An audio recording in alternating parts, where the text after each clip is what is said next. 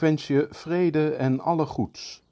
Welkom bij Fioretti, de tweewekelijkse podcast van Stadsklooster San Damiano, vandaag verzorgd door broeder Roland.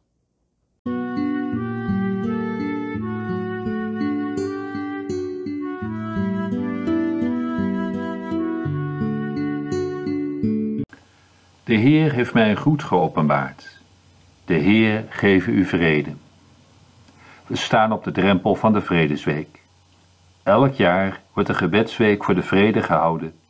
En dit jaar is die van 19 tot en met 27 september.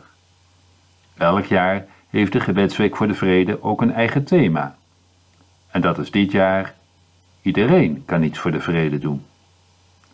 Elk jaar weer worden we uitgenodigd om zelf boodschapper van vrede te worden. Dat klinkt misschien wel heel erg groots, boodschapper van vrede worden. Maar als we alleen maar naar het Jodendom en de islam kijken, zien we dat voor hen de vredesboodschap zo gewoon is als de dagelijkse groet. Waar deze twee godsdiensten vaak tegenover elkaar worden voorgesteld, zijn zij alleen al één in de vredesboodschap. In het Arabisch en het Hebreeuws klinkt de normale dagelijkse begroeting vrede zij met u, zelfs bijna hetzelfde. Salam aleikum of shalom aleichem. Het is deze boodschap die ook Jezus had toen hij zijn leerlingen op weg zond. Met dezelfde boodschap begroet hij ook na zijn opstanding zijn leerlingen die angstig bij elkaar zaten. Vrede zij met u. Gevolgd door de woorden Zoals de Vader mij gezonden heeft, zo zend ik u.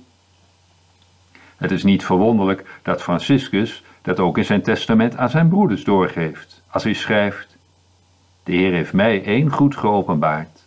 De Heer geef u vrede. We krijgen deze groet en de blijde boodschap als een zegen voor ons leven mee. Het is aan ons om er vervolgens ook iets mee te doen. De groet zelf al maakt duidelijk dat het begint met een wens naar de ander toe. Als Jezus zijn leerlingen, dus ook ons, hiertoe uitzendt, zegt hij daarbij: In welk huis ge ook binnengaat, laat uw eerste woord zijn: vrede aan dit huis. Jezus zegt zelfs uitdrukkelijk: in welk huis ook. Dus niet alleen in huizen van mensen die jij wel ziet zitten of vertrouwt, maar in elk huis. Jezus en ook Franciscus waren zich wel bewust wat dit betekende. Er waren immers zat mensen die geen boodschap hadden aan Jezus en zijn leerlingen. En later ook niet aan Franciscus. En waar wij hem in willen volgen.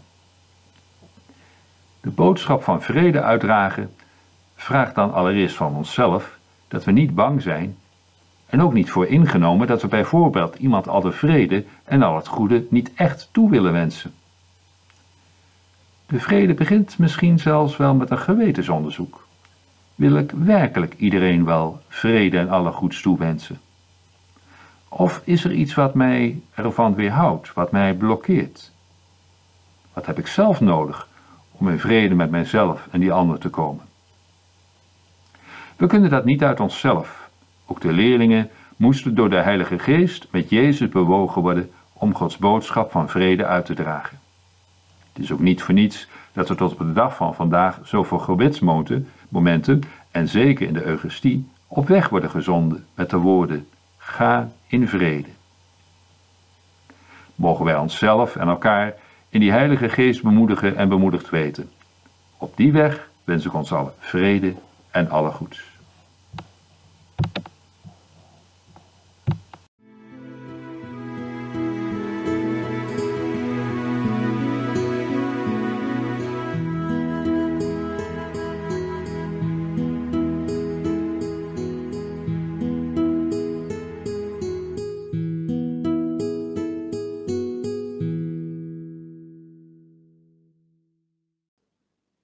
Bedankt voor het luisteren.